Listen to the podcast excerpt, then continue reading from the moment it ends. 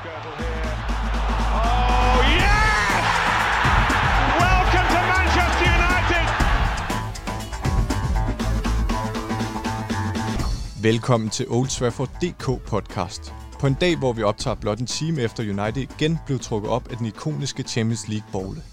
Det er nemlig blevet tid til at skifte torsdagsbold i Europa League ud med et lidt finere og mere velkendt selskab. Vi skal i denne udsendelse vurdere dagens lodtrækning, hvor vi også forsøger at tage pulsen på Uniteds europæiske chancer.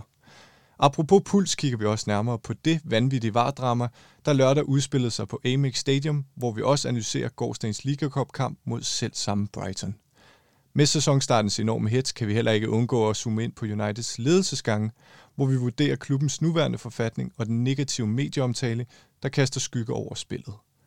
Der bliver også plads til en lille quiz leveret direkte fra Arne Madsen, inden vi til slut varmer op til weekendens topopgør mod Tottenham Hotspurs. Mit navn er Mark Tolstrup Christensen, og jeg er vært på denne udsendelse. Og til at gå de mange emner igennem, har jeg hentet hjælp udefra. Overfor mig sidder dagens to gæster. På den ene side er det dig, Peter Christensen, til daglig tv-tilrettelægger her i studiet. En velkendt røst for de faste lyttere. Velkommen til. Mange tak. Og på min venstre side har jeg heddet en debutant ind for Old DK's egne rækker. Det er dig, Hans Gårdfils Andersen, skribent på sitet og journaliststuderende på SDU. Velkommen til. Tusind tak. Og som debutant får du lige lejligheden til at præsentere dig, dig selv yderligere, gerne med lidt ord på, hvornår du blev United-fan og hvorfor. Ja, tak. Øh, jeg, jeg hedder Hans, og jeg læser journalistik på øh, tredje semester i, øh, på SDU. Jeg er 24 år, og øh, jeg er født i Odense og bor i Odense. Øh, så spiller jeg lidt fodbold ved siden af. Øhm, og så det her med, hvornår at jeg blev United-fan, det kan jeg spore helt tilbage til øh, 04-05 sæsonen, hvor vi i min øh, SFO, hvor jeg gik, der samlede vi på sådan nogle fodboldkort. Så fik jeg et kort på et tidspunkt, hvor at Rain Rooney han står øh, sammen med Alex Ferguson, hvor han lige har signet med United. Øh, så spurgte jeg min far, hvem der var på det billede der. Det var så øh, Rain Rooney. Øh, og så siden da så startede interessen med United der. Øh, og så den første sådan reelle kamp, jeg sådan kan huske med United, det var i samme sæson, hvor de spiller FA Cup finale mod øh, Arsenal hvor de øh, spiller 0-0 og øh, godt nok taber til Arsenal, men jeg, der var jeg allerede så øh, inkarneret, at jeg kan huske i hvert fald, at jeg blev, blev sur og ked af det, fordi de tabte. Fantastisk. For lige at varme jer to op for start, har jeg forberedt fem hurtige ja-nej-spørgsmål, inden vi springer direkte ud i det. Og lad os starte med dig, Hans. Er Solskær træner i United efter jul? Ja. Kommer vi til at se nye ansigter i klubben, inden transfervinduet lukker i? Ja. Ja. Får vi en ny sportsdirektør i denne sæson? Nej. Nope. Får Pogba en ny kontrakt? Ja. Ja. Vinder vi minimum et trofæ i år?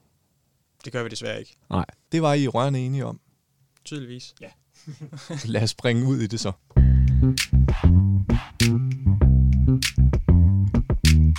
Det var sandt for dyden ikke overbevisende, da United i lørdag sikrede en 3-2 sejr mod Brighton efter en højdramatisk afslutning. Kampen var reelt fløjt af, men en var observation kom United til noget, da de fangede Mopé med lapperne på bolden. Derfor kunne Bruno Fernandes sikre sæsonens første Premier League sejr for 11 meter pletten i et opgør, hvor Brighton satte PL-rekorden for flest skud på træværket. Mere komfortabel var det i gårsdagens Liga Cup-kamp, hvor en ny duel i det sydengelske skulle udkæmpes. Med Juan Mata ved roret for Uniteds reserver blev andet slag sejret med cifrene 0-3, hvor der nu venter en kvartfinal forud. Og Hans, her til at starte med, øh, hvad var det så for en følelse, du stod tilbage med efter lørdagens kamp mod Brighton? Jeg, jeg stod tilbage med en følelse af, at det var øh, godt endelig at komme på, øh, på tavlen med, med point og, og få de tre point. Øh, fin, fin arbejdssejr, og mere er der egentlig ikke i, det, i den præstation. Jeg synes ikke rigtigt, de er, har stemplet ind i den her sæson her endnu. Hvad tænker du, Peter? Jamen, jeg er, er meget enig. Altså, det var, det, det var en, en heldig sejr på noget var og noget straffespark, som vi har prøvet en del gange øh, efterhånden. Og jeg vidste ligesom godt, hvad der tækkede ind på min telefon efterfølgende af fans fra modstanderholdene, som synes, vi var heldige igen. Og det var vi jo også. Altså, vi er ikke stemplet ind, og det, det fungerer ikke i øjeblikket. Vi ligner et hold, der er i preseason stadigvæk. Skal have banket en masse rust af. Øh, så ja, det, det er meget ramponeret at kigge på i øjeblikket. Og man siger jo bekendt, at gode hold vinder på dårlige dage, men, men det var vel ikke helt tilfældet? Nej, vi, vi lignede et dårligt hold, der vandt på en dårlig dag. Ja, det var utroligt heldigt. Sagde du, de slog PL-rekord i at ramme træværket? Hele fem gange ramte de træværket. Det skulle være PL-rekord. Og det, jeg kan også fortælle, at de havde 18 skud. Ikke alle inden for målrammen, men, men 18 skud ja. blev det. Jeg hørte også i går, at, at uh, Brighton hele sidste sæson ramte træværket kun 8 gange. så har de så ramt det fem gange på den ene kamp her. Ja, og det var uh, Trossard, der hele tre gange lavede et, uh, et stolpe -trick. Øh, til den positive side, så øh, kom Rashford også i gang. Et fremragende mål, endda Uniteds 10.000 mål historisk. Er han tilbage nu? Ja, det, det, det synes jeg egentlig godt, man kan sige. Han har i hvert fald begyndt at score mål igen, og det er jo det, man lidt savnede fra ham efter coronapausen. Han var ikke lige så målfarlig. Han arbejdede stadigvæk hårdt for det, men det virkede som om, han lige havde tabt lidt tempo og lige de sidste procent, og det synes jeg, han er begyndt at vise nu han er ikke sådan 100% tilbage på det højeste niveau, men jeg synes, han er der, hvor man godt kan sige, han spiller fra start, og det er, er helt i orden.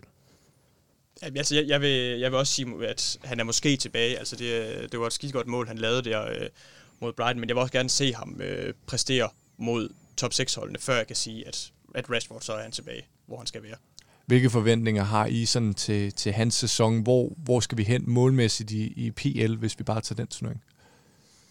hvis vi tager PL, så, og jeg, jeg tror også, at han, han nok skal nå sit, øh, sit niveau, og måske endda højere i den her sæson her. Så jeg kunne sagtens forestille mig, at han laver en 15, måske nu er optimistisk 20 plus mål i øh, den her sæson her. Ja, scorer han på den gode side af 15, så synes jeg også, at han er, han er lykkes 100% Hvis vi så øh, tager fat lidt i, i, i Brightons kamp, så bed jeg specielt mærke i, og, at, at da de fik det her straffespark, så lavede de en Panenka-scoring, og øh, Mopai fulgte herefter op med en gradjubelscene. Jeg ved godt, at han er en kontroversiel type, men siger det noget om Uniteds forfatning i det hele taget, at midterhold tør gøre sådan noget? Altså, det synes jeg tillægger det ekstremt meget signalværdi. Jeg synes mere, det siger noget om den, den kultur, der er blandt øh, nutidens øh, fodboldspillere, at nu er det alle mands eje at lave panenka. så det kan du også opleve på kløvermarken, hvis du er meget uheldig. Så det synes jeg ikke er så disrespektfuldt for United som sådan, når det virker. Og grædscenen ved jeg heller, altså, vi har jo ikke været en stor klub i, i snart 10 år, så det vil jeg heller ikke øh, lægge for meget i. Altså, jeg tror også, han havde gjort det mod alle andre klubber, er mit indtryk han, han er jo også, som du, som du siger, en kontroversiel spiller, og han havde jo også den her kontrovers med, hvad var det, Guendouzi tilbage i, øh, i juni måned. Noget med noget øh, kvælertag eller sådan noget. Han har, sikkert, han har jo også provo- provokeret ham, og jeg tror, han trash-talker helt vildt meget på, på banen. Øh, jeg lagde også mærke til, at Greenwood han får jo annulleret et mål en fem minutter før, da han scorer, så det kan måske også have noget med, med det at gøre, at han henviser tilbage til det, eller kan henvise tilbage til Crystal Palace-kampen, hvor der var det her var med, med straffespark også. Så det kan også sagtens have noget med det at gøre. Så, så, me- så meget øh, signalværdi tillægger I det heller ikke. Et, et andet signal, der var så, det var Lindeløf, der var genvalgt til, til startelveren. Ole Gunnar Solskjaer havde op til ugen bluffet sådan rimelig gevaldigt for, at, at Bailly han skulle starte inden, havde rost Bailly og, og Harry Maguires markerskab på, på presmødet op til kampen. Forstår I Ole Gunnar Solskjaers valg op til kampen, og det, det, det dertilhørende bluff? Ja, det, det, det gør jeg øh, nok, fordi altså, i min optik, så inden Brighton-kamp der, der var Lindeløf nok stadig øh, mit og Ole Gunners øh, første valg. Så der har, nok, der har nok været en grund til, at han har, han, han har bluffet med det. Ja, det kan jo være en form for øh, motivation, opsang til Lindeløf også, ligesom for at sige, du bliver nødt til at præstere, ellers så har vi en i kulissen, der virkelig banker på, og ham, der står og banker på, ham tror jeg altså på. Så det kan også være, være en opsang til Lindeløf, ligesom sige, du skal altså levere og prøve at motivere ham derigennem. Og man kan også sige, at Bailly havde jo spillet i, i midtugen, og vi ved, at han går i stykker lige om lidt, så man skal også passe på ham, så længe man kan. Så på den måde kan jeg, kan jeg godt forstå det. Øhm, men det er jo altid interessant, at, at han ligesom taler en op, og så, så vælger en anden. Det er ikke noget, han har brugt så meget, den form for motivation endnu. Det kan være, det er noget, vi kommer til at se mere af. Ja, fordi det er jo egentlig sådan en Mourinho-motivation på en eller anden måde at, at fryse lidt en spiller ude. Øh, nu fik han så øh, genvalg i, i startopstillingen, men, men, men er, det ikke, øh, er, det ikke det, er det ikke den forkerte måde at gøre det på? Ja, det ved vi jo. Altså, nu sidder vi jo også og overanalyserer. Han kan jo også have hævet Lindeløf til side, og så sige, prøv at høre her, sådan og sådan står skabet, og det kommer jeg til at sige til pressemødet. Altså, han, de siger jo, at han har en god mandskabspleje og en god mandskabsbehandling, så det, vi kender jo kun den officielle øh, side af historien. Og det, man må jo også sige med Lindeløf, altså nu har han fået kærlighed i, i tre år, eller hvor længe han har været her. Det har jo ikke rigtig rykket ham de sidste procenter, så det er jo fair nok, at man prøver noget andet. Øhm, det synes jeg ikke, når det ikke er vildere end det her. Han har jo trods alt ikke gået fuld luxure på den endnu.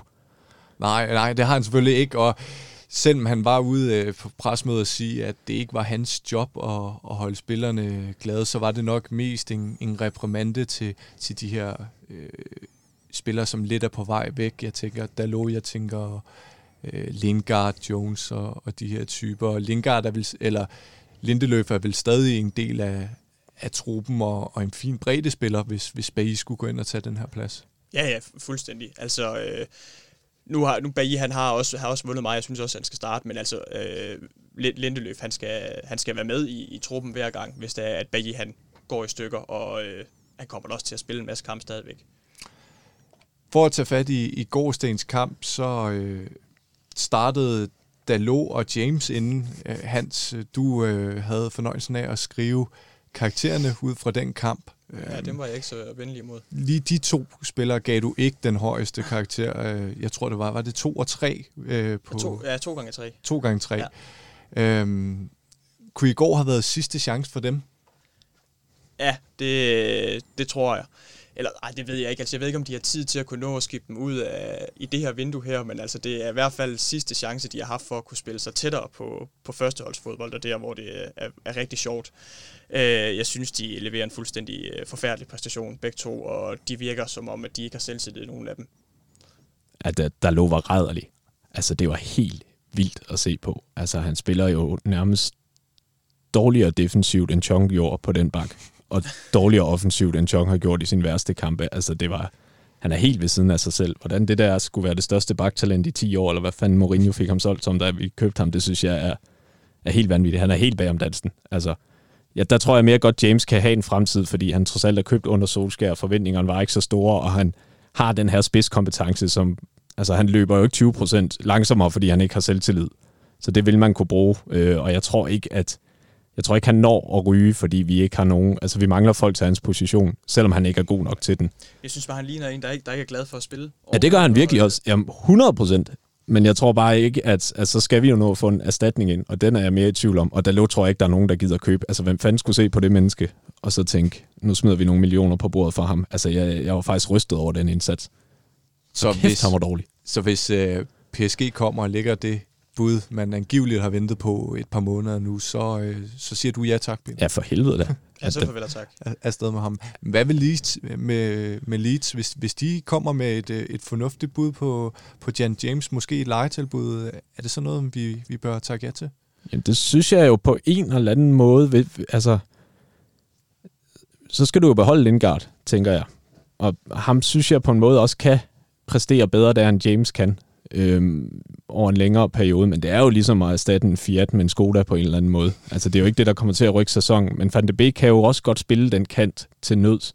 Så du kunne godt gardere dig en sæson ind, men så skal du jo kraft, ed og perk med også have en lige plan for, hvad der så skal ske næste gang, du kan købe spillere ind. Og det er jo det, man frygter med den her klub, at har vi det. Fordi ellers så kan vi jo ikke rigtig undvære øh, højre kantspillere i øjeblikket. Nej, og øh, lad os, øh, lad os snakke om, om den generelle opstilling, fordi det var jo et, et reservehold, øh, Sol, Solskjaer han stillede op med i går, og det havde han jo også varslet på forhånd.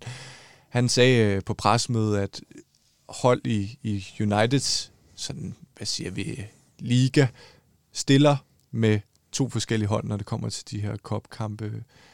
Var det de rigtige 11, eller havde I gerne set nogle andre få minutter i benene? Øh, ja, generelt set, så synes jeg, det var, var de rigtige. Nu fik øh, for eksempel øh, Fosumensa, han fik en, øh, en, en, næsten, en, næsten en hel kamp mod, øh, mod Luton i, i forrige uge. Så der synes jeg det egentlig, det er fint nok, at Delo han så starter ind i den kamp her. Og øh, det er også rigtigt nok med, altså når, når vi er sådan en liga som Manchester United, så skal vi jo stille to forskellige hold i de to forskellige turneringer. Og generelt set, så synes jeg, de spiller en fin kon- kontrollerende kamp også, og, og vinder komfortabelt 3-0, så det, det er helt fint, at det er de 11, der starter er det den bedste kamp, vi har spillet i den her sæson. Ja, fuldstændig. Øh, på trods af en, en dårlig højre side. Jeg kunne godt have tænkt mig at se, hvad hedder han, men, men give vores midterforsvar der, lige få nogle minutter for at se ham, men, men vi er nede i småtingsafdelingen. Øh, jeg synes, det var et godt valg og en solid indsats. Altså, det var da professionelt i det mindste.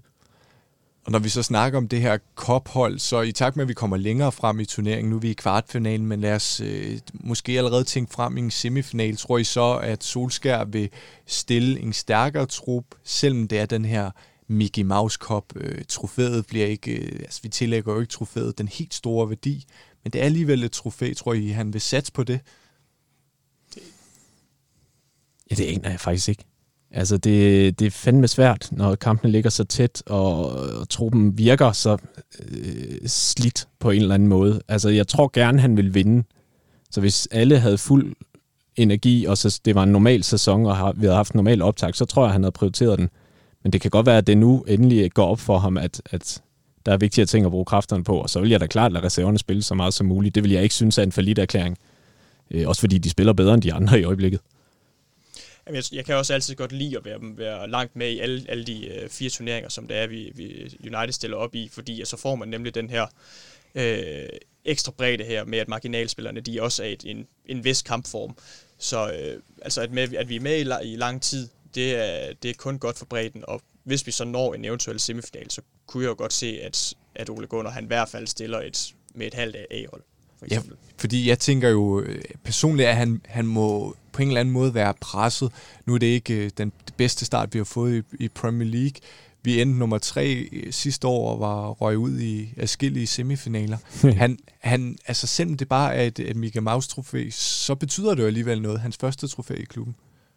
Jamen, det gør det virkelig. Altså, øh, vi er jo, altså, den her klub er jo altid glad for trofæer, og vi tager, vi tager jo alt, hvad vi kan få lige for tiden, så det, det, det synes jeg helt så klart, at han skal prioritere efter os. Men det er også sådan en Mourinho-mentalitet, ikke?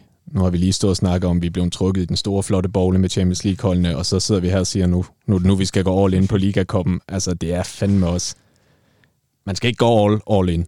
Nå, altså, hvis, hvis de nu står i en semifinal, så skal man jo gå efter den derfra. 100 procent, men der vil jeg næsten sige, det er måske lige så sikkert at gå efter den med det hold, der så har spillet alle kampene. Altså, forskellen på A- og B-kæden er bare ikke enorm i øjeblikket, øh, desværre. Og jeg har sgu også sådan lidt, når det er den så meget værdi tillægger jeg heller ikke den turnering og det enkelte trofæ. Altså, det var jo også en pointe, jeg har fremført før hernede. Det, jeg synes jo ikke, at Mourinhos hold tog af, da de vandt Liga-koppen. Det var ikke fordi, at vi så bare marcherede på sejr på sejr efterfølgende. Det brændte jo faktisk fucking sammen. Så jeg synes heller ikke, at man skal sådan tillægge det så meget værdi. Og der er også et eller andet med, at jeg har sgu ondt af folk som Romeo og folk, der spiller os frem til de her vigtige kampe i turneringer, og så bliver de bare slagtet på, øh, på startopstilling, og så går det her ind og spiller en eller anden lortekamp, og så er vi ude af den turnering. Så altså, det, det er ikke, jeg synes ikke, det er så let som bare at sige, så spiller de bedste, og så spiller de næstbedste. Der er også noget med ligesom at belønne folk, der gør det godt inden for de turneringer. Jeg ville da være ærgerlig over at tage Dean Henderson og Juan Mata og sådan nogle folk ud af det her hold. Fridge også for den sags skyld. Øh, når, når de stadigvæk leverer, så synes jeg også godt, man kan give dem chancen mod en stærkere modstander. Og du nævner selv belønnen. Donny van der Beek, han spillede i, igen i går, skulle jeg næsten til at sige. En, en, en rigtig god kamp. Han har vist øh, gode takter, hver gang han er kommet ind. Skal han snart have en, en startplads, måske allerede mod, øh, mod Tottenham? Nu ved jeg godt, den blok den, den venter lidt senere, men, men fortjener han ikke start øh, noget mere spilletid? Øh, jeg, jeg synes ikke, han skal starte mod start øh, mod Tottenham nu for eksempel, men jeg synes, altså jeg kan, jeg kan se noget i ham, altså noget, han viser noget gærighed, og når han viser noget vilje til at løbe uden bold, øh, og han, det, det minder lidt om, øh, om Bruno Fernandes i starten, også uden at være så lige så kampafgørende, som han var, men øh, jeg kan godt se, at han på sigt eventuelt efter en landsholdspause kunne, kunne starte ind, ind mod et bund top 10 hold. Ja, han har i hvert fald indsatsmæssigt gjort sig fortjent til det. Det hele afhænger af, hvor fanden skal han spille. Altså, han er jo ikke en bedre 10'er end Bruno Fernandes i vores opstilling. Og jeg tror virkelig, at strukturen og balancen ryger, hvis han skal ind og spille på en af de to centrale midtbanepladser. Altså, så skulle det være, fordi man lader ham spille højre kant, og så giver det et skud. Og så har du en mere kombinerende, lidt langsommere type derude. Det er sådan den plads, jeg bedst kan se ham gå ind på i øjeblikket, fordi at en tremands midtbane med Pogba, øh, Bruno og Van de Beek, altså det, det er jo guf for Mourinho, for eksempel. Altså det kommer jo til at sætte et rambuk lige igennem. Så jeg ved ikke rigtig, hvor han skal spille i startopstillingen, selvom man præstationsmæssigt godt kunne sige, at han har gjort sig fortjent til det. Jeg synes også bare heller ikke nogen af de andre, andre end Pogba, som sådan har spillet sig af. Jeg læste, jeg læste for eksempel, at hans agent øh, var rasende øh, over, at han kom ind i de sidste fire minutter mod øh, Brighton forleden. Tror I, han er, altså, han er blevet lovet en, en større rolle, end, end at komme ind? Nu, nu spillede han jo en, en naturlig rolle i, i, i sejren, og jeg tror faktisk, det var ham, der sikrede det hjørnespark, som Harry Maguire, han, så, så, så den ligger lidt langt ude, men tror jeg, han er blevet lovet en lidt større rolle, end han har fået her til start. Ja, det håber jeg fandme ikke. Nej, det håber jeg heller ikke.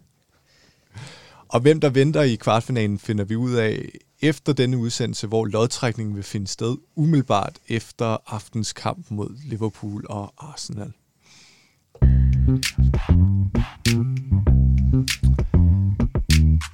Uniteds ageren i det aktuelle transfervindue har trukket overskrifter rundt omkring i hele verden. Hvor konkurrenterne omkring klubben har handlet ind til højre og venstre, er Donny van der Beek eneste nye førsteholdsansigt på træningsanlægget i Carrington. Klublegender som journalister har de seneste uger fyldt mediebilledet med optegnede skrækeksempler på Woodward og Matt Judds transferhåndteringer. Og hvor spillet på banen har været famlende i indledningen mod Crystal Palace og Brighton, planter der sig naturligt panderynker blandt United-fans, når snakken falder på sæsonforventninger. Peter, det er ikke første gang, at Woodward og Uniteds ledelse modtager kritik. Det har de faktisk gjort siden 2013, men hvor slemt mener du, det står til på, på, på ledelsesniveau i United her under det her transfervindue, der på mange måder kan være definerende for at bygge videre på den bro øh, fra foråret? Jamen, det står lige så slemt til, som det altid har gjort. Øh, altså siden 13 i hvert fald. Altså, det er stadigvæk en total underprioritering i klubben at øh, styrke det sportslige setup. Det er de fuldstændig ligeglade med. Det går ud på at tjene så mange penge som muligt ved at investere så lidt som muligt. Og investere så lidt som muligt, det vil sige nul. Altså ejerne gider ikke smide nogen af deres egne penge i det. Vi kan kun bruge de penge, som klubben selv tjener. Og det er bare et kæmpe stort benspænd og et enormt problem at agere under. Og med de rammer, så er det hårdt at sige, at det er Solskjærs skyld, eller for den så skyld, det er et Woodwards skyld. Øh, fordi hvis du ikke har flere penge at bruge af, end dem du selv skal tjene, og du er blevet ramt af en verdensomspændende pandemi, jamen så er der, så er der bare nogle ting, du ikke kan gøre. At han så er, også er elendig til at arbejde inden for de rammer, det er en helt anden sag, øh, Woodward, men det ved vi jo. Vi ved jo, at de handler langsomt. Vi ved jo, at de skal slås og hugge om meget, meget få relativt beløb i, i den her sportsverden, og vi ved, der ikke er en sportsdirektør. Jeg synes, efter Ole Gunnar er kommet til, at der ved at være en form for linje i vores indkøb, og jeg kan bedre lide den type spillere, vi køber, det kan jeg se noget retning i. Men sådan det helt overordnede setup er jo stadigvæk håbløst. Altså, det er jo jammerligt. Og det, man havde jo håbet lidt, dengang vi fik Mourinho, kan jeg huske personligt, at tænke, yes, nu bliver vi et af de der hold, der bare får handlet af i april nærmest, og så kan vi bare øve os fra start, og vi kan få god øh, preseason, hvor folk kan blive spillet til og sådan noget, og han kunne jo heller ikke få folk ind til tiden, fordi at klubben er bare ikke givet til det, og klubben er ikke interesseret i det. Vi skal ikke bruge for mange penge. Og det, det vi jo lykkes med, kan man sige. Er du enig i den øh, betragtning? Ja, fuldstændig. Jeg synes, det står så skidt til, og jeg forstår heller ikke, hvorfor det er, det går så langsomt, og hvorfor de ikke viser nogen tænder på det transfermarked, og de er så langt bagud i forhold til mange af de kon- øh, konkurrenter. Journalisten øh, Andy Mitten fra The Athletic blandt andet, han fortalte i sidste uge, at en agent havde kontaktet klubben for at forhøre og tilbyde sin klient, der angiveligt skulle være en eller anden topklasse fodboldspiller. Vi, vi kender ikke øh, fodboldspillerens navn, men historien går altså på, at agenten ikke har hørt tilbage fra United, og Matt Judge, der var til, var til at store dele af Uniteds øh, transferforhandlinger, også er et Woodwards øh, højre hånd. Øh, mit spørgsmål til jer er, fordi jeg var sådan lidt, da jeg hørte det første gang, what? Men hvordan forholder I jer til den her historie? Tror I, der, tror I den er reelt nok? Ah, jeg kunne, jeg kunne godt forestille mig, at det var en anden. Altså, det, det kan være ekstra bund, hvad hedder det, øh, bål til brændet, øh, hvad hedder det, brænde til bålet øh, på, på, det, på det her trans, transfer øh, mystik herop fra, fra ledelsen af, øh, til at kunne sætte endnu mere pres på til, til United. Men altså, ah, jeg ved, jeg ved ikke, om jeg skal tro på den. Nej, det vil, altså, så må, vi, så må de sige, hvad det er for en spiller. For altså, hvis den gik ud og blev bekræftet, så er det ikke sådan, jeg ville tænke, what? Det kan da ikke passe. Det er setup der, men, men når der ikke er mere kød på, flere detaljer på nu, så, så vil jeg heller ikke lægge for meget i den. Nej, fordi det virker vel også åndssvagt, at United, altså United, den størrelse, de har, ikke kan finde ud af at, at vende retur på, på en sms eller en e-mail eller hvad det er. Og når de så nævner topklasse spillere, ja, ja, så, hvad så, er det? Ja, hvad, hvad er det? Men altså, det må alt andet lige have været en besked, man ikke skal svare tilbage på, hvis de har lavet værd med det. Ja, ja, det kan jo også sagtens være, at, at øh, det har været en, der ikke har haft nogen interesse. Altså, det er bare for mange rygter, øh, til jeg vil ligge for meget i det i hvert fald. Og det er jo også noget, den her klub samler på. Altså, vi bliver altid sat sammen og kædet sammen med alt, der kan gå og kravle. Og øh, apropos, du sagde øh, branden på bålet, øh, Hans, så har Patrice Ivra været ude med flere kontroversielle udtalelser rettet mod ledelsen den seneste tid. Gary Neville puster nu også til ilden, og Shaw har offentligt ønsket flere nye ansigter, kan virke lidt øh, bemærkelsesværdigt, når, når man kigger på, på en venstre bak. Tror I, at, at det her det er den rette strategi mod nye og bedre tider, eller skaber det blot disharmoni at øh, inkludere hele omverdenen og, og mediebilledet? Jeg ved ikke, om det, er den, om det er den rette strategi, men jeg, jeg synes, det er helt fair, at det er et helt fair grundlag, de gør det på. Altså, de skal jo, altså som Bo Henriksen, han siger, altså, de skal vide, en katastrofe op i ledelsen. Så altså, jeg synes, det er helt fint, at der er mange øh, personligheder omkring United, der fortæller, dem, fortæller folk, at der mangler altså noget her. Ja, det er jo en smuk selvindsigt for Shaw, kan man sige. At øh, vi har brug for nye folk, og så begynder de at kigge på en venstre bak. Det skal man heller ikke undervurdere. Altså, jeg, det, det er jo den eneste måde at gøre det på. Altså, jo flere, der ligesom presser Glazer-familien og bliver ved med at påpege, det duer ikke, det duer ikke, det er ikke godt nok, desto bedre. Fordi, altså, jeg har det sgu også sådan lidt, man har de ejere, man har fortjent. Og vi har jo ligesom vi som fans, vi er jo, vi er jo ligeglade. Vi stopper jo ikke med at købe deres merchandise, eller downloade deres apps, eller følge dem på sociale medier. Altså, vi indgår jo i den her fortælling om, ja, I kan godt lade være at investere i holdet, vi skal nok støtte jer alligevel. Og så må det jo fair nok, at nogle andre prøver ligesom at, at råbe folk også. Og jeg tror også, det kan være med til at skabe et pres, så der er nok spillere, der går ud og siger så begynder fansene måske også lige at tro, nej, ja, det er sgu da egentlig ikke godt nok. Nu kan vi også godt lige prøve at gøre opmærksom på det og råbe lidt igen. Så det skal jo, altså jo flere, der kan presse på, desto bedre. Men det er sådan en reaktion, der skal til. Altså, de skal jo rammes på pengepunkten, ellers så stopper de jo ikke. Men den her reaktion, den føler jeg bare, altså den har vi jo været vidne til et utal af gange. Jeg kan godt tænke, at øh, når Patrice Vara går ud og siger alt det her, Gary Neville går ud og siger det, så skaber det en uro i truppen. Og det er måske også det, det øh, sjove er kommet med øh, fra den der kommentar, hvor han tænker, at det kan sgu da egentlig godt være, at vi mangler spillere, men skaber det ikke en eller anden altså, en uro? Vi lige startede Premier League, der er nogle forventninger. Skal vi ikke fokusere på, på sejre, i stedet for at fokusere på alle de spillere, som ikke er kommet, og som de ikke har kontrol over på nogen måde? Jo, men altså, synes jeg også, man sætter fodboldspillere i boks som sådan en flok hjerneløse får. Altså, de kan jo følge også med, og de kan jo godt se, at den her trup også mangler nogle input, og de ved jo, at har også spillet mange sæsoner, og ved, den energi, nye spillere kan give. Så, så ej, altså, så er de mentalt sværere, end jeg øh, vurderer dem til at være, hvis det, hvis det her ligesom kan fuck deres mentale state op. De kan øh. også se det på deres, på deres egne præstationer, både til kamp og til, og til træning, altså at, at, at der mangler et eller andet. Så selvfølgelig, så selvfølgelig skal, de, skal de også have en holdning til det. Ja, jeg synes det er fair at spille med helt åbne kort og så sige, hey, jeg synes ikke, ledelsen gør det godt nok, uden at man dermed undergraver hele projektet. Altså, det skal heller ikke bilde mig ind, at Ole Gunnar Solskjaer er tilfreds med det her. At han synes, det er det perfekte transfervindue. Altså, han er jo også ude i sådan noget latterligt Donny van de Beek for, forsvarspis med, at man taler ham ned, når man påtaler, at de ikke har købt andre og sådan noget. Så han er jo også træt af det, og en presset mand. Og for ikke at, at snakke om nye transfers, fordi det, det gjorde vi også i sidste podcast, men det kan vi jo gøre til en uendelighed, og, og vurdere, hvem der kommer, så kunne jeg godt tænke mig, at vi fokuserede på sådan en som Chris Smalling, som spiller i klubben. Han er ikke, øh, altså han har været rygtet til Roma i, i lang tid, men han er altså stadig United-mand. Hvad har han gjort, Solskærs projekt? Han havde jo en brændsæson i, i Italien. Kunne han ikke være et, et kærkommende alternativ, især med tanke på, forsvaret har sejlet her fra start? Ja, hvad har han gjort? Altså, det er, det er et interessant spørgsmål, fordi er han dårligere end Phil Jones? Det er han vel egentlig ikke.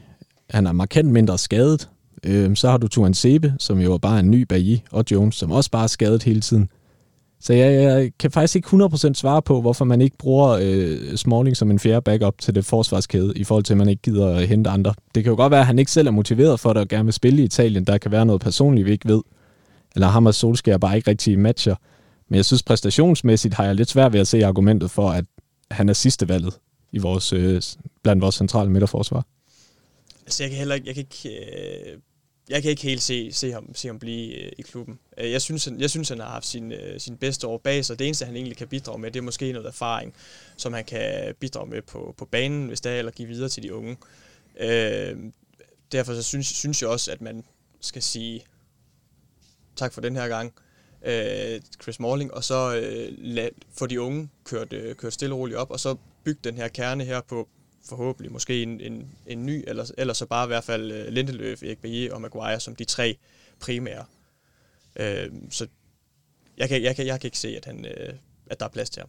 Men Solskjaer, han er jo tit ude og sige, at vi skal have den her United-DNA, vi skal have englænder, det siger han ikke, tror jeg, men, men, men det henter han i hvert fald. Smalling, han har vel om nogen den her United-DNA. Han har været i klubben længere tid, end, end de fleste har, og han er også englænder. Er det ikke, altså, virker det ikke lidt underligt, at, at man så ikke kan finde plads til ham? Jo, men det er altså... Jeg synes heller ikke tre spillere til, til to pladser er sådan specielt meget, men det er jo mere det der...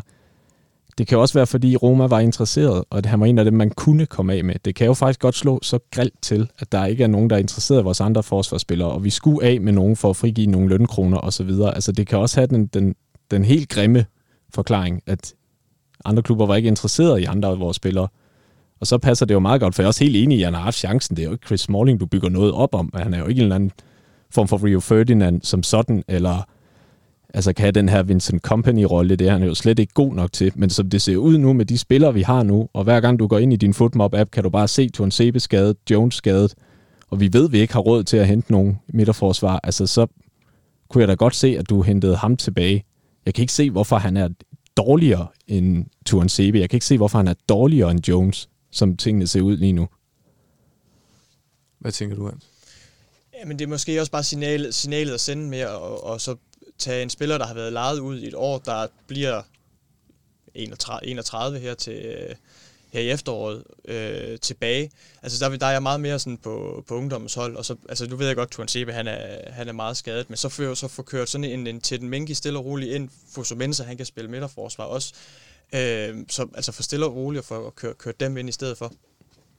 Og nu, nu snakker vi sådan generelt om ja, ledelsen, det hele sejler, og øh, Woodward henter ikke nye spillere, men går Ole Gunnar Solskjaer fuldstændig fri her fra den her øh, sæsonstart? Det er jo, altså, nu var jeg inde på det før, 18 afslutninger havde Brighton. Det var katastrofalt mod Crystal Palace altså bærer han ikke det største ansvar. Når vi kigger på truppen, så er den jo stærk nok til at slå begge hold. Den er jo altså langt stærkere. Jo, altså han går ikke fri overhovedet. Bærer han det største ansvar, det er sådan lidt procentregning på en eller anden måde, men det er jo klart, det er jo hans job at sætte dem op. Det er hans job at finde en taktik, som virker mod de her hold, og nærmest spille kontrafodbold mod Crystal Palace og Brighton er der en interessant måde at gøre det på. Og det var jo også ham, der efter vi havde kvalificeret os til Champions League, velvidende, at der var pandemi, at spillerne ikke ville få en lang pause, valgt, at vi skulle have hele fucking A-kæden ned og spille Europa League. Velvidende, at vi ikke ville få en normal øh, sæsonopstart. Og hvad sker der? De ser rigtig trætte og slidte ud, når vi går i gang. Og det ligger jo 100% på ham. Så enten så er det jo det her, han ligesom har valgt kalkuleret med, at det må vi leve med, eller så har han jo lavet en fejlberegning. Fordi de virker ikke klar, de virker rustne, og de virker fandme godt nok uengageret. Ja, du siger det selv, de, er, de, de virker rigtig, rigtig rustne, og det er jo egentlig mod Brighton den samme startopstilling, som vi så gang på gang i foråret vinde kampe. Det burde vel også være tilfældet her? Øh, ja, øh, fuldstændig. Øh, og jeg, jeg forstår heller ikke, hvorfor det er, at han ikke kan få dem til at ride, ride videre på den bølge der. Altså, det er også, som øh, der, der bliver sagt, altså, at de, de virker bare øh, trættende og trætte og slagende. Altså, de, øh, det virker som om, at, ja, at de er fuldstændig udkørte. Og hvordan skal vi så, øh, fordi jeg tænker, hvis vi, kom, hvis vi nu endelig får Jadon Sancho ind, så kommer han jo nok ikke til at revolutionere hele det her hold. Får vi den her mand og fortsætter spillet som nu, så kigger man vel på, på Solskær og stiller spørgsmålstegn både på taktikken, men også på, på lederevnen. Ja, det, jeg synes ikke, det skal være op til Sancho, hvis han kommer og redder Solskjærs job. Altså, det er jo også det, der er med Rust, det er jo, du kan få banket det af. Så jeg tror også nok, de skal komme op i omdrejninger. Det er bare, hvor mange kampe tager det. Og hvad betyder det så også fremadrettet for sæsonen? Men det er rigtigt, det er øh, et, et interessant taktik, hvis meningen er, at der skal komme en eller anden ind med en tryllestav og ændre det her øh, Bruno-style. Fordi så er det jo også, at han begynder at spille for lidt Solskjaer, fordi så skal han jo hente en magisk mand hver halve år, øh, for at de ikke går døde i hinanden. Så man savner også lidt det der taktiske setup. Altså, hvordan vil vi spille? Hvad for nogle greb i værktøjskassen har vi? Både som plan A, og øh, måske endnu mere interessant, hvad fanden er plan B, når det ikke virker? Og det synes jeg stadigvæk, nu er jeg ikke noget taktisk geni, men jeg er stadigvæk svært ved at se, hvad fanden det er, de vil, når, når det ikke kører med kontrabold for eksempel. Hvad med dig, Hans? Hvad tænker du? Øh, mangler der nogle, nogle greb i værktøjskassen? Ja, det synes jeg, det gør. Det, det virker lidt nogle gange som om, at han bare får øh, Mike Phelan og Kieran McKenna til at, til at gøre arbejdet for ham. Øh, det, det, det virker sgu lidt som om, at han, han er svært ved at finde ud af, hvad det, hvad det er, han gerne vil øh, med dem, og hvordan, hvordan, øh, hvordan de skal spille. Og med rust, så øh, springer vi videre til næste emne, for der er nemlig masser af kampe at tage fat i, når United skal spille Champions League. Og med sidste sæsons flotte comeback til tredjepladsen i Premier League sikrede United som sagt sig igen en plads i det fornemme Champions League-selskab. Med dagens gruppespilslodtrækning er det endnu en gang tid til at drømme europæisk, hvor vi altså skal tilbage til 0-8 mod Chelsea for at finde sidste gang United løftede pokalen med de store ører. Inden vi kigger nærmere på gruppespillet, så kunne jeg godt tænke mig at høre, hvad det betyder for Uniteds selv, selvforståelse at være tilbage i, i det her Champions League-selskab igen. Det betyder utrolig meget jo. Altså det, øh, det er en turnering, som United skal være med i hver evig eneste år. Så det betyder utrolig meget endelig at, at, være tilbage. Og det tror jeg også, at, at spillerne de kommer til at kunne mærke, når det er, at de kan høre hymnen igen, og øh, altså tænke sådan, okay, vi er ved at være tilbage på, øh, hvor, vi, hvor vi hører hjemme, i hvert fald turneringsmæssigt. Jeg er helt enig. Det er fuldstændig essentielt for klubben. Og med dagens øh, gruppelodtrækning, så, så, så kan vi jo se lidt på, på de modstandere, der kommer, altså der venter os. Øh, nu er det blot en time siden, vi, vi trak dem, og modstanderen hedder PSG, RB Leipzig og Istanbul Basaksi her, hvis jeg udtaler det korrekt. Hvis vi lige kigger nærmere på de hold, hvordan vurderer I så lodtrækningen generelt? Jeg er ikke så skræmt, som jeg kan forstå mange andre øh, United-fans er. Altså, det er ikke den letteste lodtrækning. Det var ikke en Manchester City. Øhm, men jeg synes heller ikke, det er sådan fuldstændig dødens puljeagtigt. Altså, jeg har jo lidt en eller anden mavefornemmelse, der siger, at PSG og Leipzig toppede sidste år. Altså, det, jeg tror ikke, PSG kommer i en finale inden for de næste par år, fordi jeg synes, at det var her, det skulle være lykkes. Nu er David Silva væk, han smækker lidt med døren. Øh, Neymar er altid en usikkerhed. Hvor har man ham? Altså, hvor står han mentalt? Skal Mbappé snart videre? Øh, Di Maria bliver ikke udtaget til det argentinske landshold. Øh, deres ejer dernede står foran en straffesag. Altså, jeg kan godt se det der projekt sådan smuldre lidt igen nu. Og Leipzig havde jeg en fornemmelse af, at jeg havde sådan ligesom en Ajax-sæson, som Ajax havde for nogle sæsoner siden, hvor alt bare klappede i Champions League, og hvor de spillede over evne. Og de blev, øh, altså, havde jo ikke en jordisk chance mod PSG. Et hold, som jeg så også synes er på vej ned nu.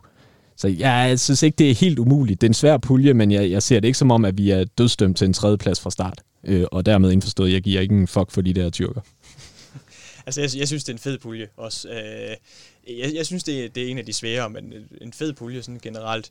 Øh, Istanbul burde ikke være noget problem, især ikke, når der, kommer, når der ikke er nogen fans på, på udebane overhovedet. Så, det, så den burde være en walkover. Leipzig kan jeg godt se, at vi kommer til at spille nogle øh, gode, øh, fede kampe mod. Øh, og så har vi jo vist, at vi kan vinde i Paris før jo.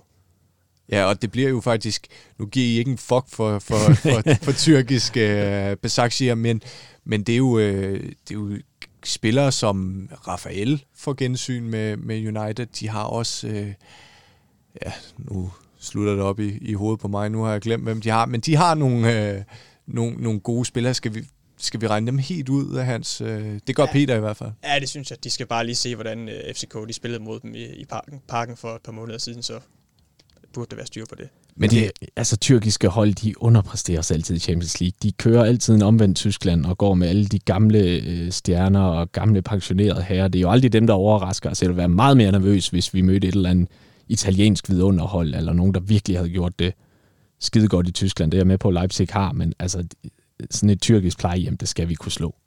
Og nu ved jeg, at I ikke har haft øh, så forfærdelig lang tid til at tykke på den her lodtrækning, men det var jo sådan, at, øh, at vi ikke kunne komme i den pulje, hvor Porto var første seedet. Det kunne vi ikke, fordi at Liverpool var ind i gruppe D, og UEFA har så valgt, at øh, fordi at vi øh, United og Liverpool trækker øh, store mængder tilskuere på, på seerantallet, så, øh, så skulle vi ligesom være i, i grupper fra hinanden. Er det rigtigt? Det er rigtigt, så vi skal spille det om onsdagen, øhm, og så skal Liverpool spille om tirsdagen. Ellers så kunne det godt have været, at vi var endt i, i Porto. Hvad siger I til det?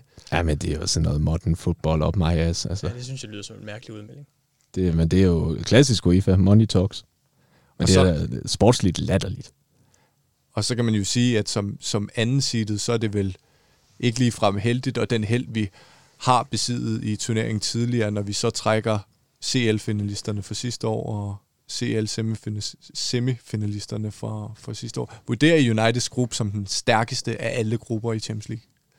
Nej. Jeg synes faktisk, at øh, Midtjylland er sværere. Dem, var det Atalanta, Liverpool, Ajax, ikke? Jo, lige præcis. Dem jeg sgu... Dem vil jeg nødig at være i. Ja, nu må jeg sige, jeg kan, ikke, jeg kan simpelthen ikke huske øh, dem alle sammen lige nu. De er først lige uh, tækket ind, men jeg synes, det, altså, det, er, en, det er en stærk pulje.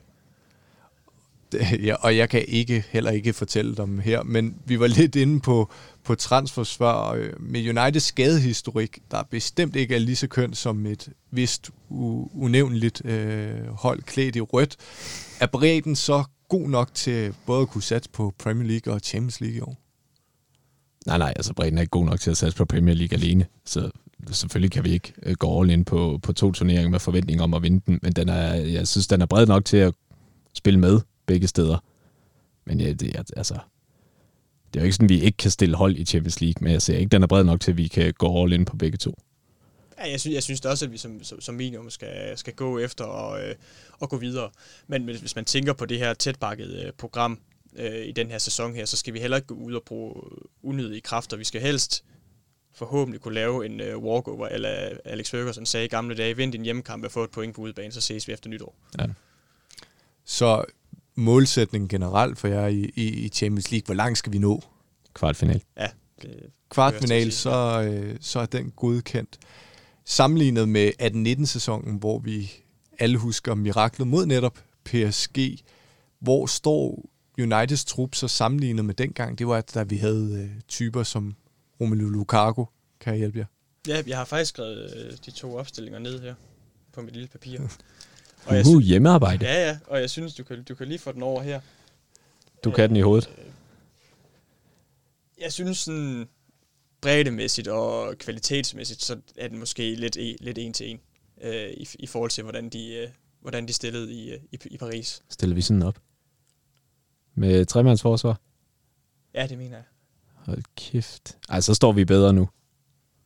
Øh, både, altså nu står der Andreas Pereira her øh, på en 10 og Bruno Fernandes øh, på den nuværende 10. Så, altså jeg synes, det nuværende hold er, er, er en my bedre.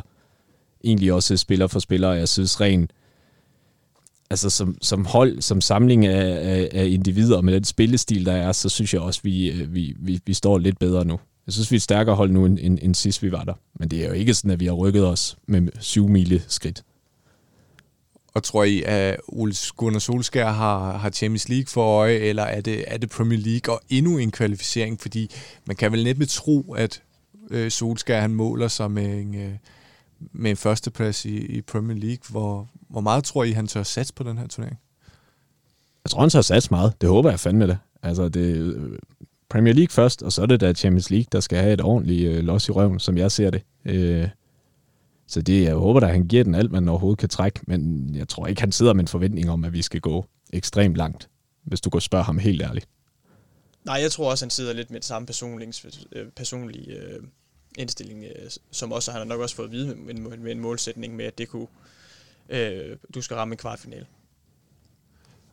Og første kamp i, i Champions League, det bliver den 20. 21. oktober, hvor Fuck, det at er jeg snart, mand. ikke er sådan helt sikker på, hvem vi, vi møder endnu.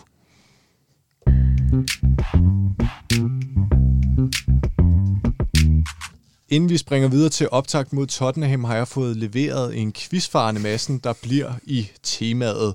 I skal nemlig dyste mod hinanden i, hvad vi kan kalde jeres United vs. Tottenham-viden. Der er i alt fire spørgsmål, to til hver, og ved pointlighed er der selvfølgelig et bonusspørgsmål. Hans Korfit, som debutant, så får du lov til at vælge, om du vil starte, eller om du vil give Peter starten. Så får øh, Peter lov til at starte. Okay. Peter, er du klar her? Yes. I år 2008 købte Manchester United Dimitar Berbatov af Tottenham. Ved samme lejlighed gik en Manchester United-spiller på lån til Tottenham. Hvem Ah. var det? Det kan jeg fandme ikke huske. Bum, bum, bum, bum, bum, bum. 2008 på lån til Tottenham. Vil du afsløre, hvilken position vedkommende spillede? Jeg kan afsløre så meget, at personen fik 97 PL-minutter i United-trøjen. Mere kan jeg ikke give I alt? i alt. Pas. Det ved jeg simpelthen ikke. Det korrekte svar er Fraser Campbell. Interessant. Den overraskede også mig, men det gør mange af de her Arne Masse Ja, spørgsmål. ja, det er jo det, han kan. Det er det, han kan. Så får du dit øh, første spørgsmål Ja, tak. her, Hans. Hvilken Manchester United-spiller scorede på to straffespark mod Tottenham den 24. april år 2010? Det gjorde, det gjorde Ren Rooney. Det gjorde Ryan Giggs. Ja. I en kamp, i en kamp der endte øh, 3-1 til United, hvor også øh, Nani scorede. Jeg ved ikke, om det kan hjælpe jer til at, til at huske lige præcis det kamp, den kamp. Peter, du får øh, dit andet spørgsmål så. Hvilken Tottenham-spiller scorede et selvmål mod Manchester United den 8. august år 2015? Er vi altså lidt tættere på. 2015. Ja. Selvmål. Det er altså en Tottenham-spiller, der scoret selvmål. Hvad fanden havde de nede bag i 2015? Ah, ja, hvad skal vi sige, hvad skal vi sige, hvad skal vi sige? Øh, hvad fanden hedder han? Spillede han der? Det kan jeg ikke huske. King. Det var Kyle Walker. Det var Kyle Walker. Så er det sikkert flot selvmål. Og øh, Hans, nu kan du så bringe dig i front og tage sejren på. Ja. samme tid, øh, hvis du er lidt skarp her. Og det er faktisk det sværeste spørgsmål, tror jeg. Øh, det var i hvert fald det, jeg havde størst problemer med. Imens Michael Carrick spillede for West Ham, var han udlånt til to klubber. Nævn en af de klubber, han var udlånt til. Ah. Kan du den, Peter? Nej. Okay. Det var en lang krog til Tottenham. Ja, den er også den er lidt lang, den. Åh, oh, jeg tror, vi skal i sudden death. øh, fanden har han været ude til? Men det er jo sådan en absurd liga-klub. Han har været i Ipswich. Det har han ikke, nej. Men han har været i Swindon Town, og han har været i Birmingham City. Ah, okay. Så den ene lidt mere kendt end den anden.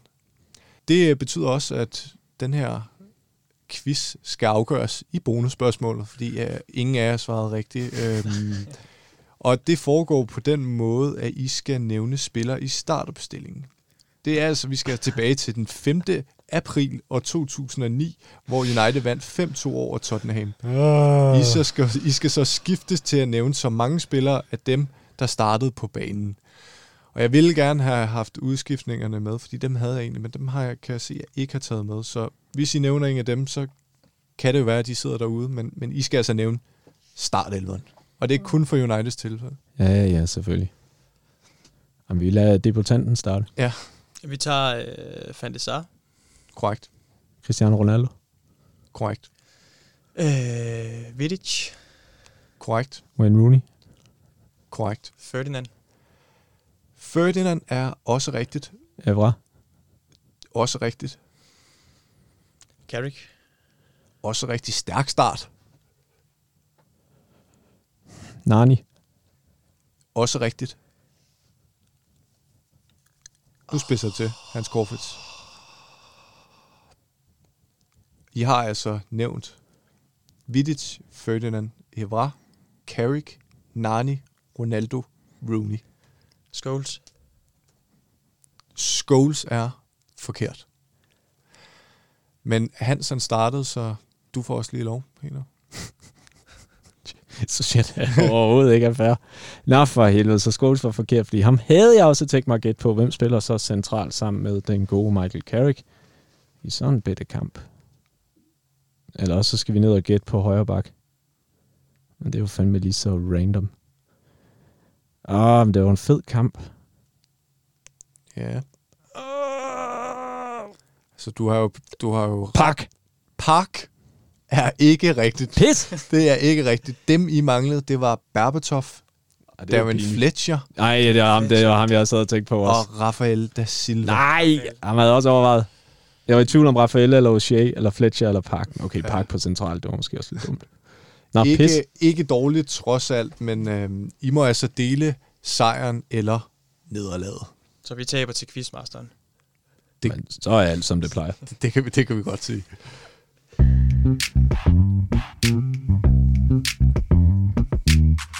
På søndag venter Uniteds første topbrag i denne sæson. Det er nemlig når Amazon-drengene med Mourinho ved roret gæster Old Trafford. Begge hold har haft en shaky start, hvorfor det heller ikke er nemt at vurdere styrkeforhold forud for kampen. Tottenham har til gengæld været yderst aktiv i transfervinduet, hvor der også er hentet ind for golfens verden. Indbyrdes er opgørende notorisk tætte, og senest er det blevet til to smalle United-sejre og en enkelt uafgjort. Det betyder altså, at Mourinho ikke er lykkes med at juble mod sin gamle klub, heldigvis. Peter, jeg fik sagt, at det ikke er nemt at vurdere styrkeforholdet mellem de to klubber, men hvis vi nu skal forsøge alligevel, hvordan ser du så de to hold, også med tanke på transfervinduet? Jamen altså, jeg synes, de er, er, er tætte. Øhm, jeg er ikke så imponeret af Tottenhams transfervindue igen. Øhm, jeg kan godt se, at kvantitativt er de langt foran os, men jeg synes ikke, at at det er nogle typer, som nødvendigvis rykker dem for Pochettino-dagene. Altså, jeg kan ikke se, hvordan Pierre Emil Højberg gør dem til titelaspiranter, og det kan jeg heller ikke se, at Doherty gør. Øh, Gareth Bale er der ingen, der ved, hvad kan, og hvad er niveauet, og hvad kan han holde til. Det er en kæmpe lotto-kupon, og det er klart, brænder han banen af, genial køb, gør han ikke, jamen så har han jo heller ikke rigtig rykket noget. Øh, så har man hentet en, en, en reservebak fra Real Madrid, som jo sikkert også er okay, men altså, jeg øh, synes ikke, de har haft sådan et Chelsea-vindue, hvor man bare kan se, yes, der er fandme kvalitet alle steder. Øhm, og så er det jo Mourinho, der er træner. Og øh, ham er jeg bare heller ikke bange for mere. Så øh, jeg, altså, de har fået en shaky start, det, det var vel også lidt som forventet. Altså, jeg synes stadigvæk, at Manchester United er, er et lidt bedre fodboldhold end, end Tottenham. Det må jeg sgu indrømme, også fordi jeg synes, vi plejer at præstere mod dem. Vi plejer at kunne hive os op til de kampe. Og Mourinho har netop ikke formået at knække Solskær, eller ligesom øh, låse dem fuldstændig taktiske, sådan vi har været chanceløse. Altså, han kommer altid med den der underskudsposition, og åh, det der Pogba-straffe, der kostede med europæisk fodbold, og er Song med, er han ikke med. Altså, det, det er to sårede giganter, der møder hinanden, men jeg synes, de, de bløder mere end os. Hvad tænker du her? Jeg tænker, det er en, er en lille smule omvendt. Jeg tænker, at øh, Tottenham er en lille smule foran os øh, lige nu på styrkeforholdet, og det gør jeg på, øh, på baggrund af tre ting. Måske to og en halv. øh, fordi den, første er nemlig, at de er de er to kampe foran os rent spilmæssigt, og det er nemlig den, der også kan, der kan, der også kan backfire, fordi de spiller jo stort set hver dag lige lige for tiden Tottenham. Øh, så det kan enten gå den ene eller den anden vej. Øh, de har en bredere trup lige nu, og jeg synes også, at de har en bedre bænk, end øh, United har lige nu. Øhm, og så er deres angreb kommet i gang. Øh, Son er kommet i gang, Harry Kane er kommet i gang, Erik Lamella er kommet i gang, Lukas har scoret også. Øh, så de har, de har mange målscorer. Øh, og så er jeg lidt mere bange for Mourinho også, fordi øh, hvis der er en, der er mester i at få, få et kryds på udebane, så er det, så er det Mourinho. Ja. Og du nævner, du nævner selv øh, Song. Øh, vi har også en Bale. Begge to formodes ude. Det kommer vel også til at spille en, en stor rolle, hvis de lige, altså Bale forventede vi nok ikke, ikke var med. Øh, det er også lidt usikkert, hvad han kommer til at bringe. Men en stor målskytte i Song, hvis han er ude, det er, det er vel plus i Uniteds bog. Ja, helt sikkert. Jeg synes, han er deres bedste mand og vigtigste mand i en, i en Mourinho-kamp også, fordi når han er med, så bliver de andre også så meget bedre, og Kane er en meget bedre spiller med, med Song på banen. Så øh, jo, det vil da være et enormt plus, hvis du tager det våben ud af, af deres offensiv. Og det er heller ikke for at sige, at Lamela eller Mora eller, Lukas, undskyld, eller Kane er, er dårlige, men jeg synes, Song er, er, er med afstand den spiller, de har med X-Factor i øjeblikket, og som vil kunne gøre rigtig ondt på os. Så det er en kæmpe fordel, hvis han ikke er med.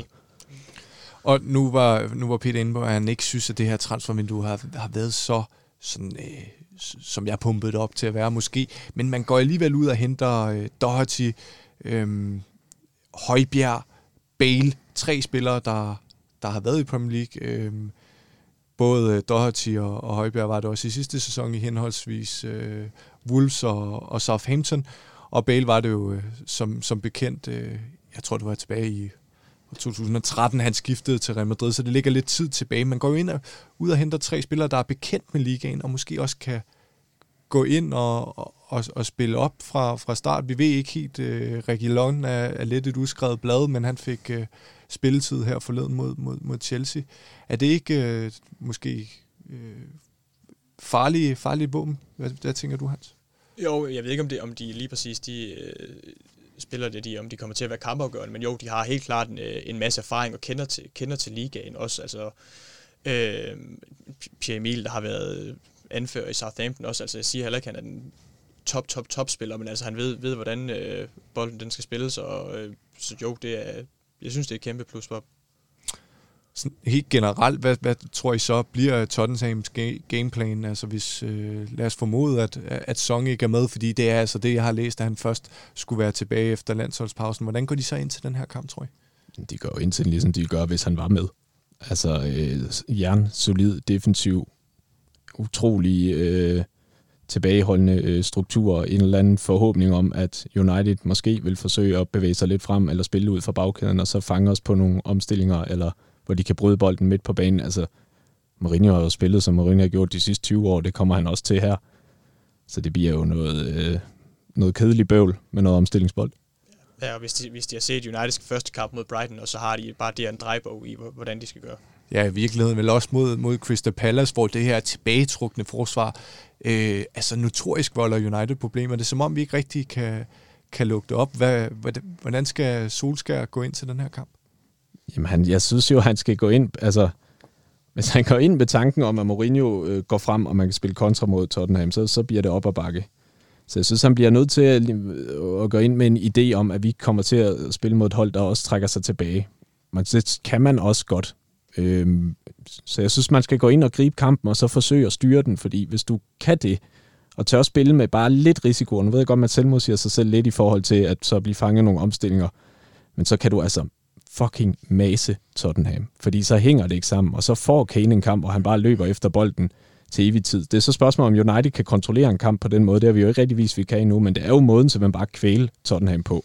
Spil den rundt om alle de her øh, løbestærke spillere, og så få puttet nogle bolde ind, fordi mere imponeret af deres defensiv er jeg fandme heller ikke. Altså, vi kan godt komme til chancer mod dem. Så de skal bare trykkes. Og så skal de bare løbe med dem, og de skal løbe, og de skal løbe, og de skal løbe hele tiden. Fordi det er sådan, det er sådan de kommer igennem, og de skal finde rummene mellem, mellem midtbane og angreb hele tiden. Øhm, og især også, når det er United, de ikke har bolden. De har, altså, der er flere gange de sidste, sidste par år, hvor det er, de har øh, vundet eller scoret mål på, ved at de ligger presset højt op på dem, og især det første kvarter. Hvis de bare kommer sådan fra, øh, fra start af, så, så bliver de altså konfuse Tottenham, og de kan, så kan de ikke spille bolden rundt. Nej, og nu så vi på, på startopstillingen i går, at Lindeløf og Bailly havde fået lov til at, at spille sammen i midterforsvaret. Jeg ved ikke, hvad det var for en, øh, en styrkeprøve, om de skulle spille hinanden øh, gode sammen, eller om de skulle bevise over for Solskjaer, hvem der skal have pladsen. Hvordan ser I startopstillingen mod øh, Tottenham på søndag? Øh, jeg tror, den kommer til at ligne meget øh, fra, øh, fra sidste weekend af. Jeg tror, at Bailly han har spillet sig ind øh, overtaget øh, Victor Lindeløfs øh, plads, men ellers så kommer den til at, kommer til at ligne fra sidste weekend af. Ja, det tror jeg også. Var det med Greenwood på højre kanten? Ja. ja. ja. Må ikke han... Altså, det skulle være ham, man skulle pille med. Jeg kunne også se, at man kunne prøve at sætte Lindgaard ind, hvis man netop får fundet mere bevægelse og noget boldsikkerhed. For Greenwood har det med, enten så er han med, eller så er han helt ude af kampene. Der kunne jeg godt se noget med Lindgaards løbevillighed. Øh, også det i og med, at han ikke spillede sidste gang. Jeg tror godt, han kunne komme ind jeg er enig i, at man kunne godt rykke Bailly ind, men jeg vil ikke være rystet, hvis, hvis det er Lindeløf, der spiller i stedet for. Jeg synes, jeg er usikker på, om Lindeløf har spillet sig af, og Bailly har spillet sig på. Men hvis jeg selv skulle vælge, vil jeg også stille med Bailly. Og så kunne jeg jo fandme godt tænke mig, at man spillede med McTominay øh, som 8 i stedet for Pogba, og fik noget løbevillighed og noget fight og noget pondus ind på den midtbane. Øh, men det tror jeg ikke kommer til at ske. Ja, fordi Pogba, han har jo været Øh, ja. Han ligner en mand, der slår sig med efter ved corona. Ja, det, det må jeg indrømme. Han ser tung og, og, og langsom ud. Det har, det har virkelig været katastrofalt de første to kampe, men jeg synes alligevel, der var øh, positiv vinde øh, i, i gårdagens performance, da han kom ind. Nu scorer han drømme frispark, som måske ikke havde gået ind, hvis ikke den havde ramt en, en Brighton-mand øh, i ryggen, men det gjorde det.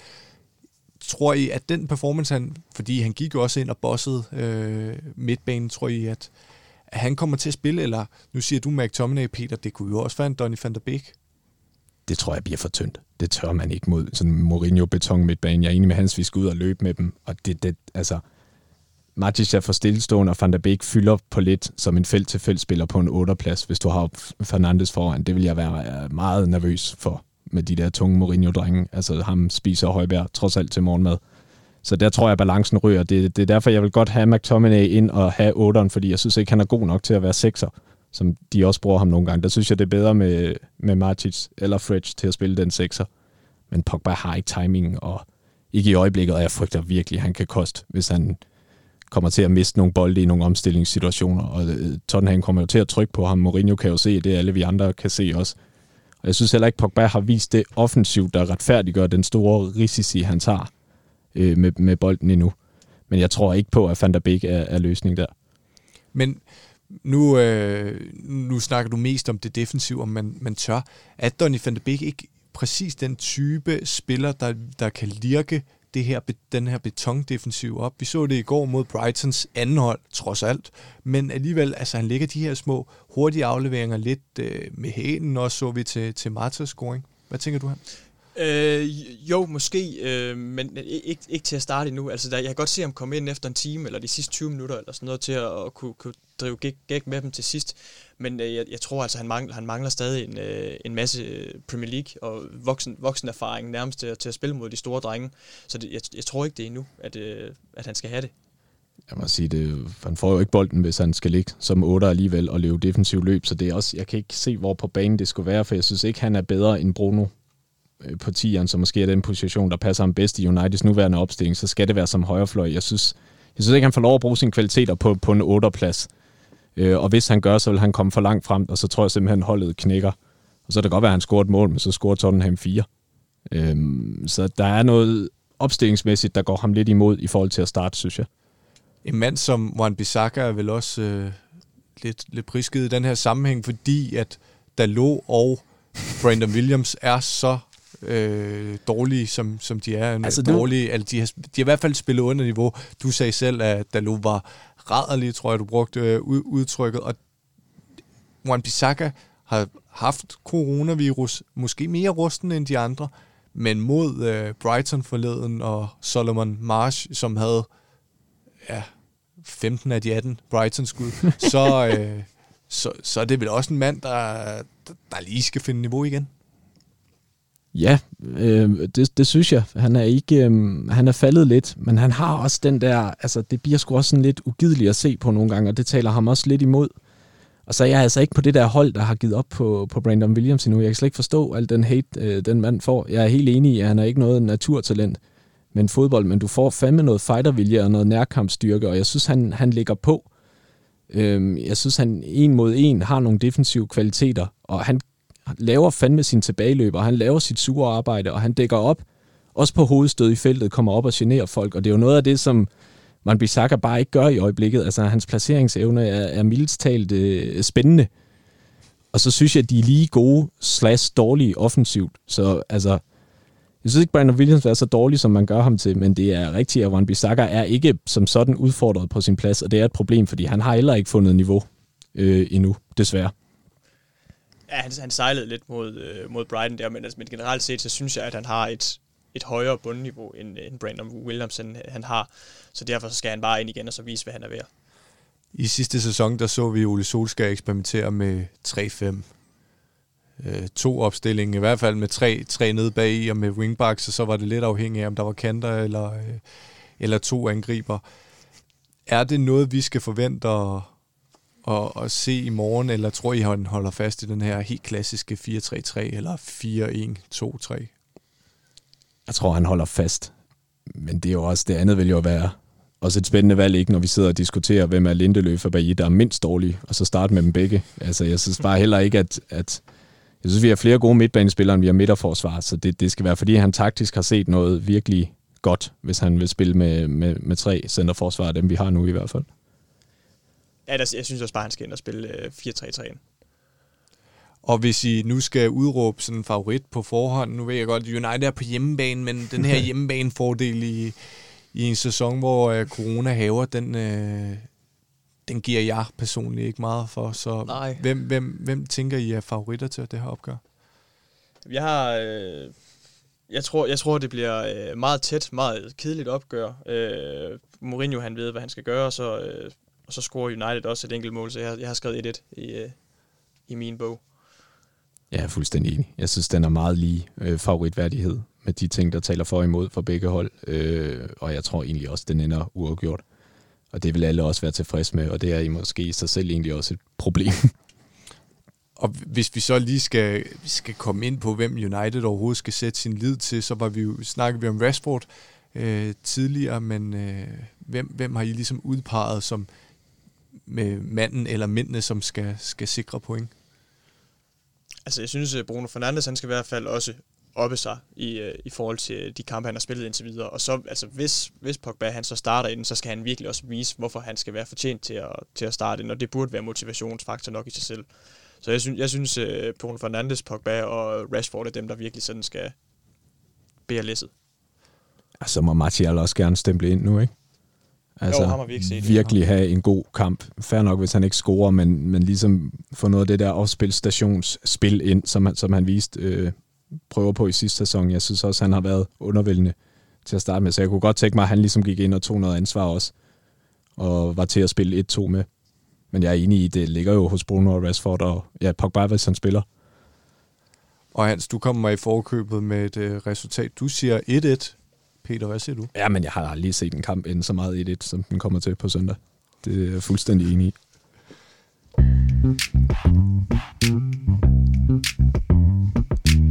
Og inden vi runder udsendelsen fuldstændig af, så har jeg bedt mine to medværter om at medbringe en lille pointe hver især. Ris, rus, opsang eller andet her er alt tilladt. Og vil du have lov til at, at starte, Peter?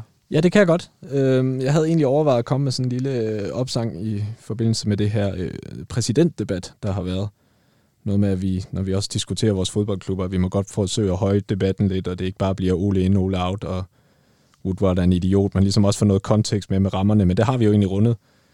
Og så hørte jeg noget Lana Del Rey på vej herover, blev lidt nostalgisk, og så tænkte jeg egentlig på, at jeg sad fandme og hyggede mig med at se Juan Mata spille fodbold i går. Og det synes jeg egentlig bare, man skal huske at nyde, så længe han er i klubben, fordi han er en dejlig lille fodboldspiller, og et endnu dejligere menneske, og det er altså en stor personlighed, vi har i klubben lige nu, øhm, som man bare skal huske at sætte pris på, for lige pludselig er han der ikke mere.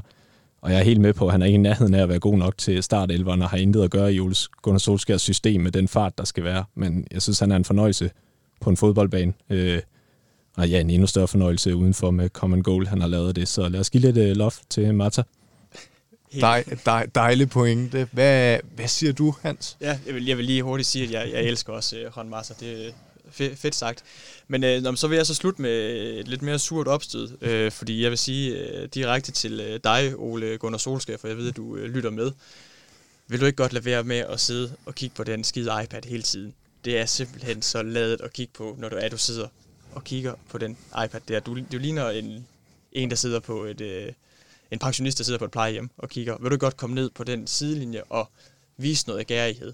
Og vise, at spillerne de skal præstere inde på den bane der. Tak. Hørt.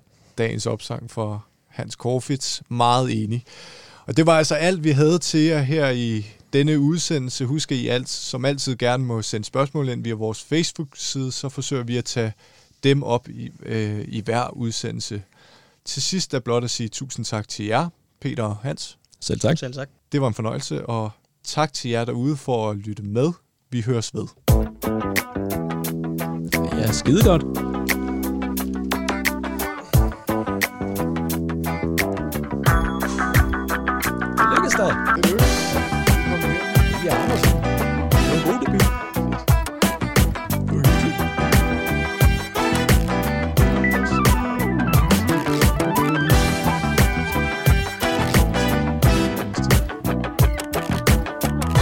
Det dejligt. Det har været lidt for mange gange, han